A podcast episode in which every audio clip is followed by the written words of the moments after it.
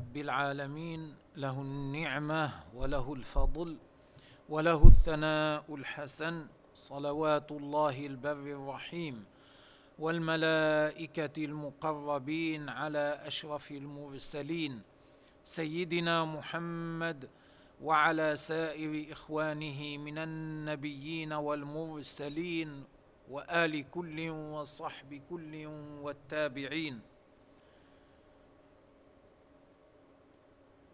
وسلام الله عليهم أجمعين. كلامنا اليوم إن شاء الله كلامنا الآن إن شاء الله هو في الحديث الثامن من الأربعين النووية.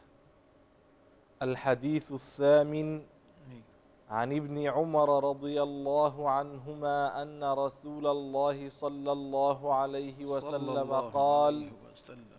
أمرت أن أقاتل الناس. أمرت أي أمرني ربي ولم يذكر عليه الصلاة والسلام الآمر لم يقل أمرني ربي لأنه معلوم أن الذي يأمره عليه الصلاة والسلام هو ربه عز وجل ليس غير قال أمرت أن أقاتل الناس. ابن الصباغ قال لما بعث النبي صلى الله عليه وسلم فرض عليه أن يبلغ فرض عليه التوحيد فرض عليه أن يبلغ فرض عليه قراءة القرآن ونحو ذلك. ولم يؤذن له في الجهاد بمكة. ثم بعدما هاجر إلى المدينة عليه الصلاة والسلام أذن له أن يقاتل من قاتله. أن يب... أن. أن يقاتل ليس ابتداء إنما من ابتدأه بالقتال يقاتله ثم بعد ذلك أذن له بابتداء من لم يبتدئه بالقتال إلا في الأشهر الحرم وفي المسجد الحرام ثم بعد ذلك أذن له بالابتداء في الأشهر الحرم وفي المسجد الحرام كما قال الله تعالى في سورة البقرة يسألونك عن الشهر الحرام قتال فيه قل قتال فيه كبير وصد عن سبيل الله وكفر به والمسجد الحرام أي وصد عن المسجد الحرام. والمسجد الحرام وإخراج أهله منه أكبر عند الله. الآية. نعم. أمرت أن أقاتل الناس حتى يشهدوا أن لا إله إلا الله وأن محمدا رسول الله. وفي رواية حتى يقولوا أشهد أن لا إله إلا الله وأن محمدا رسول الله. وهذا يدل على ان وهذا يدل دلالة صريحة على أن الدخول في الإسلام لا بد فيه من الجمع بين الاعتقاد بالقلب والنطق باللسان وأنه لا يكفي الاعتقاد بالقلب إن لم ينطق الإنسان بلسانه بالشهادتين أو بما في معناه معناهما ولا يكفي النطق باللسان ما لم يعتقد الإنسان بقلبه. وهذا الذي ذكرناه محل إجماع بين علماء الإسلام. قال النووي رحمه الله اتفق أهل السنة من المحدثين والفقهاء والمتكلمين أي علماء التوحيد علماء العقائد على أن المؤمن الذي يحكم بأنه من أهل القبلة ولا يخلد في النار لا يكون إلا من اعتقد بقلبه الإسلام اعتقادا جازما خاليا من الشكوك ونطق بالشهادتين. فإن اقتصر على إحداهما أي إذا اقتصر على الاعتقاد من دون النطق أو اقتصر على النطق من دون الاعتقاد لم يكن من أهل القبلة أصلا. إلا إذا عجز عن النطق لخلل في لسانه إلا إذا كان أخرس لا يستطيع النطق أو لعدم التمكن منه لمعاجلة المنية.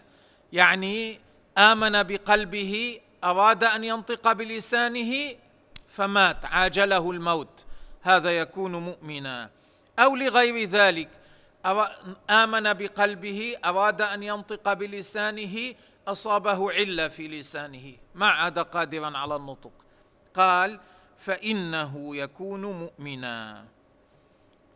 ويعرف أيضا فاذا هذا هو الحكم في هذه المسألة.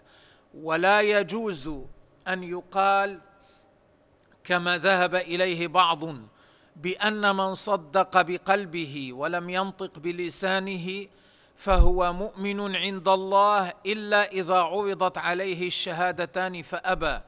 هذا الكلام مردود لا ينظر إليه. لماذا؟ لأن الأئمة المجتهدين لأن أبا حنيفة قال لا بد حتى يكون مؤمنا مسلما أن يجمع بين الأمرين الاعتقاد بالقلب والنطق باللسان. مثله قال مالك مثله قال الشافعي مثله قال أحمد مثله قال إسحاق. بل ذكر بعض المجتهدين أن هذا الأمر إجماع بين أئمة الاجتهاد. كل أئمة الاجتهاد أجمعوا على هذا. فإذا جاء بعد ونقل هذا الإجماع القاضي عياض والنووي بعده فإذا جاء بعد ذلك شخص مهما كانت مرتبته فخرق الإجماع قال قولا على خلاف الإجماع المنعقد فإن قوله لا يعتبر. وهذا الأمر على ذلك. بعد أن انعقد الإجماع بعد ذلك في القرن الخامس الهجري جاء من يقول إنه إذا صدق بقلبه ولم ينطق بلسانه هو عند الله مؤمن إلا إذا طلب منه أن ينطق فقال لا. وهذا الكلام ما له أصل في الشرع. لا يدل عليه الحديث الذي تقدم. لا يدل عليه إجماع العلماء. لا يدل عليه الآيات ظاهر الآيات. قال ربنا تبارك وتعالى قولوا آمنا بالله وما أنزل إلينا. قولوا الله أمر بقول ذلك.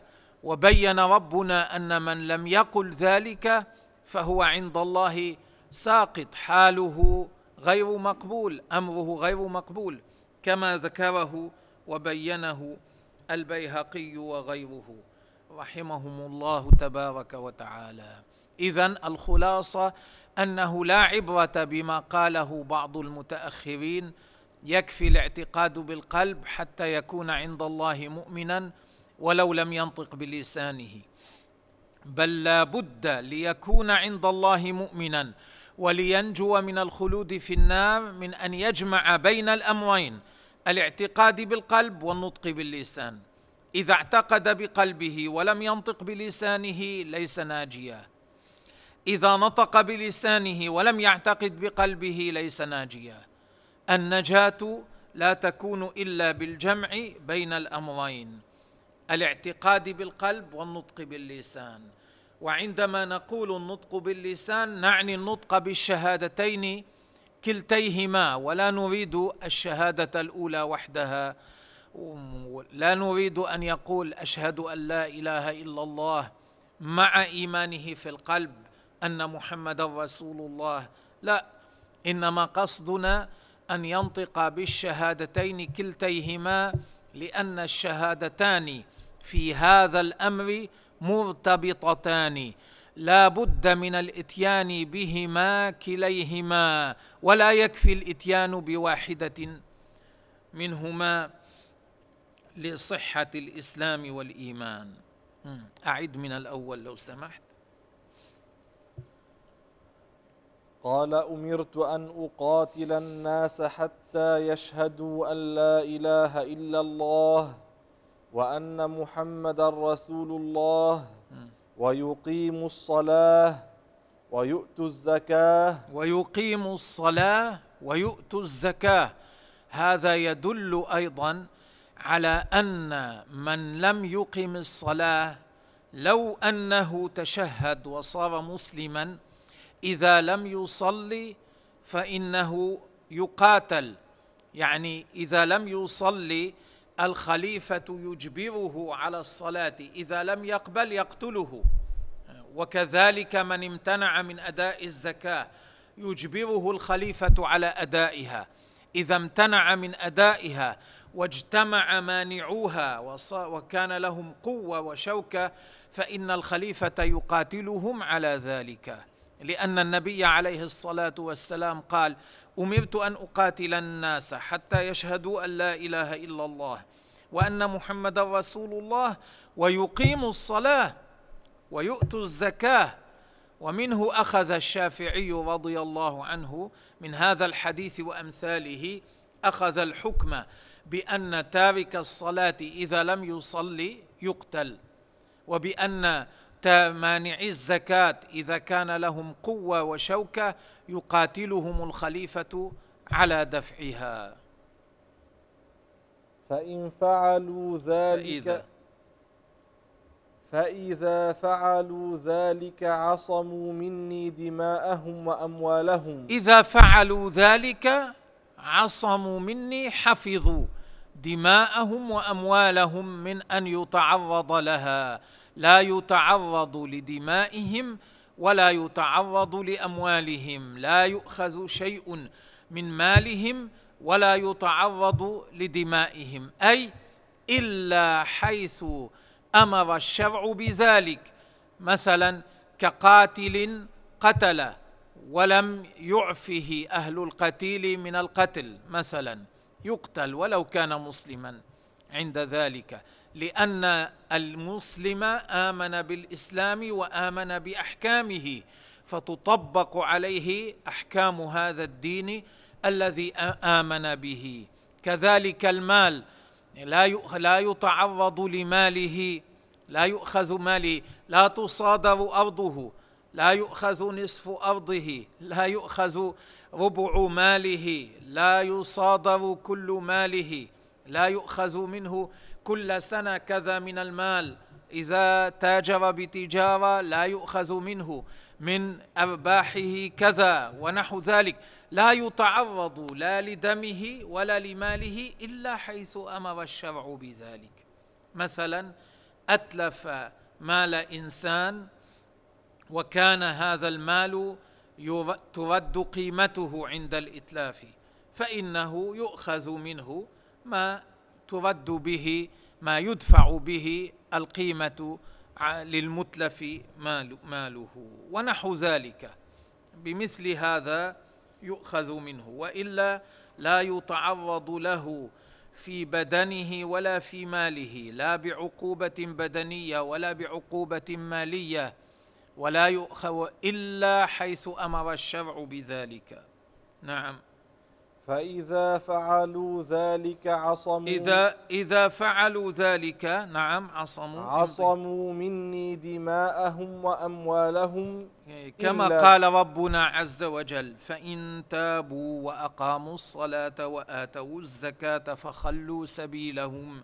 نعم إلا إلا بحق الإسلام. إلا بحق الإسلام هذا الذي شرحناه كالقصاص كالقصاص عند القتل أو عند قطع اليد أو عند قطع الرجل أو ما شابه ذلك مثل القطع بالسرقة مثل غرامة ما أتلفه وما شابه ذلك. نعم. وحسابهم على الله تعالى. ومحاسبة بواطنهم هذا أمر يرجع إلى الله تعالى. نحن نكتفي من الناس بظواهرهم. إنسان كان يقاتل المسلمين في المعركة ثم في أثناء القتال جاء مسلم يريد قتله فقال أشهد أن لا إله إلا الله وأشهد أن محمدا رسول الله يكف عنه لا يجوز له أن يقتله عند ذلك. إلا يعني لا يجوز له أن يقتله عند ذلك الأصل أنه يكف عنه. لأنه بحسب الظاهر صار مسلما دخل في الإسلام. بعض الصحابة حدث معه أنه أراد أن يقتل كافرا فتشهد فقتله.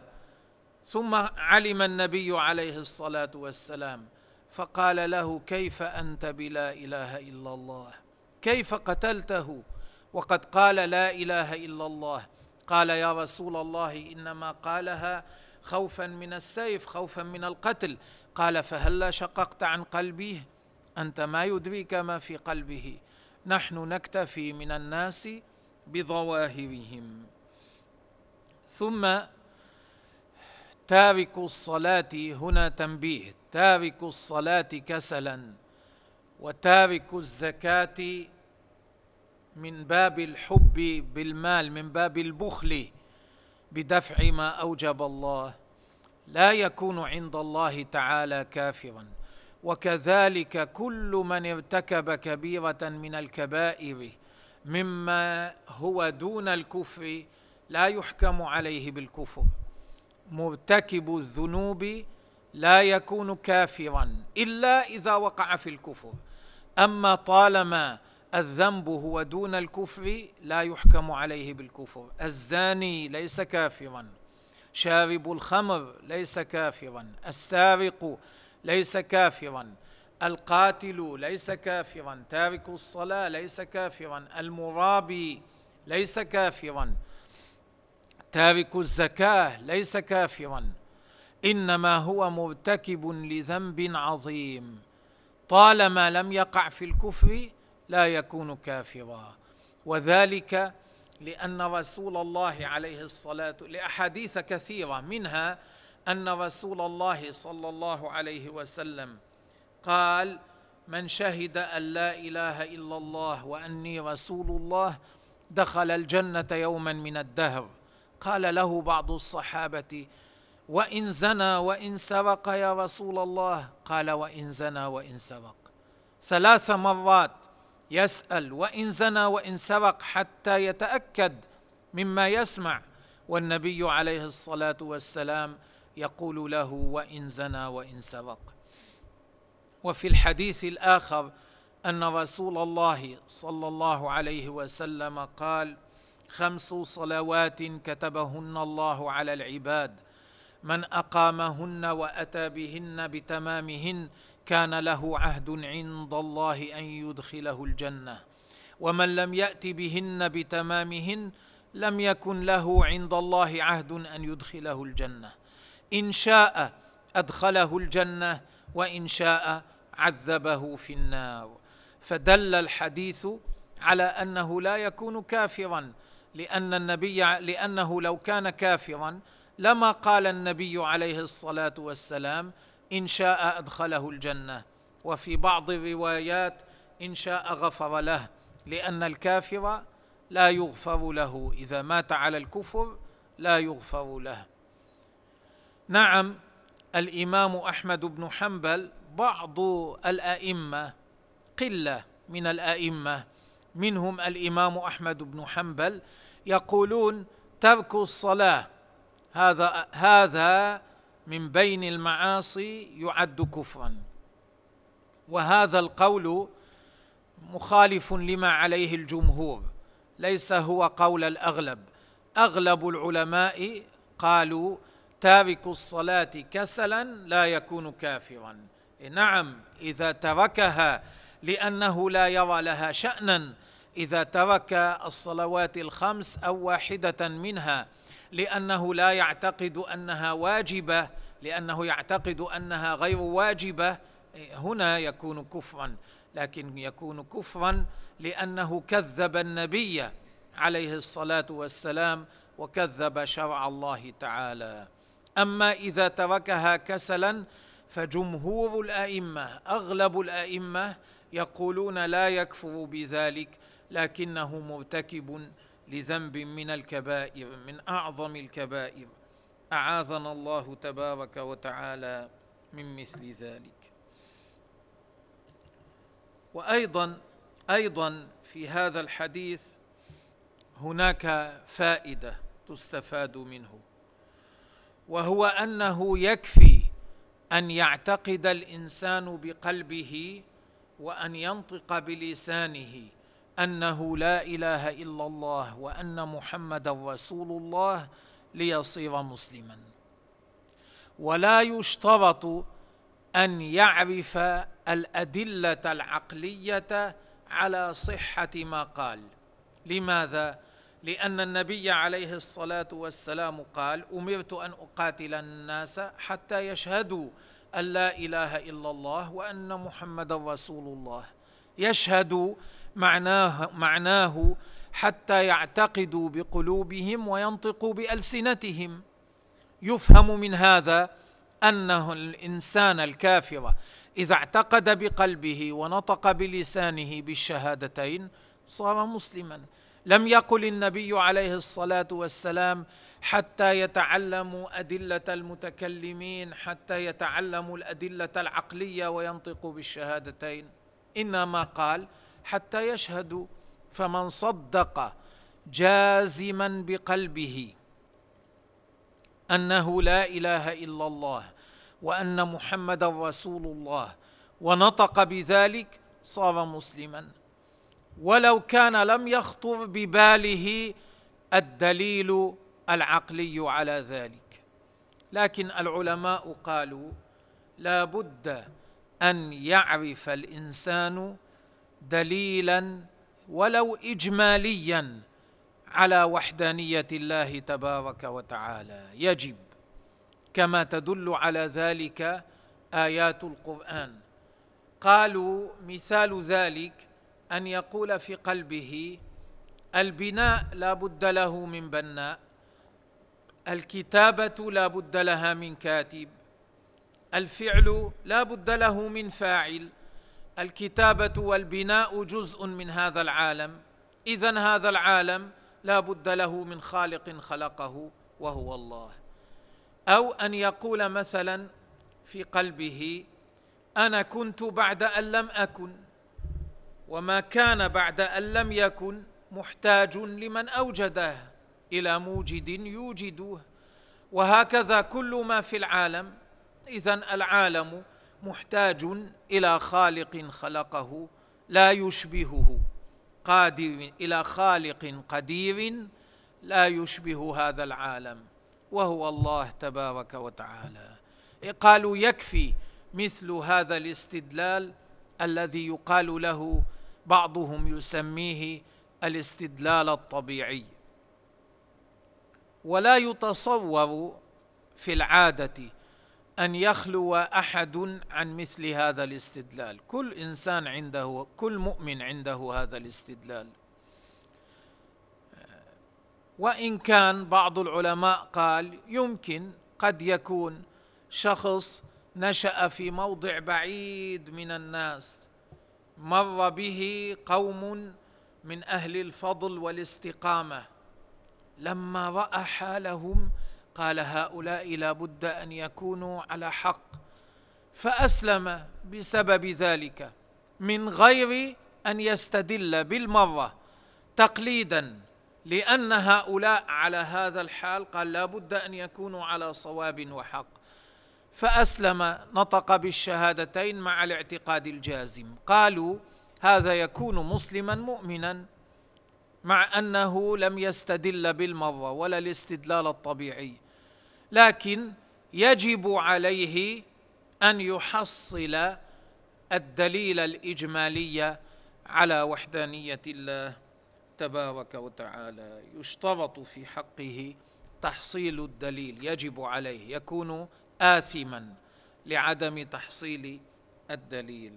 لأن الله تعالى قال أولم ينظروا في ملكوت السماوات والأرض وما خلق الله من شيء فيفهم هذا أن النظر في هذا للاستدلال على وجود الله تعالى ووحدانيته واجب ولأن الله تعالى قال إن في خلق السماوات والأرض واختلاف الليل والنهار لآيات لأولي الألباب الذين يذكرون الله الذين يذكرون الله قياما وقعودا وعلى جنوبهم ويتفكرون ويتفكرون في خلق السماوات والأرض. ربنا ما خلقت هذا باطلا. إلى آخر الآيات. قال العلماء يجب على المسلم أن يعرف دليلا ولو اجماليا على وجود الله تبارك وتعالى. ووحدانيته رواه البخاري ومسلم. وهذا الحديث رواه الشيخان وغيرهما بل هو حديث متواتر كما ذكر ذلك الحافظ السيوطي وكما ذكر ذلك الحافظ الزبيدي وكما ذكر الحافظ العراقي أن ستة عشر صحابيا رووه عن رسول الله صلى الله عليه وسلم ورضي عنهم والله سبحانه وتعالى أعلم وأحكم.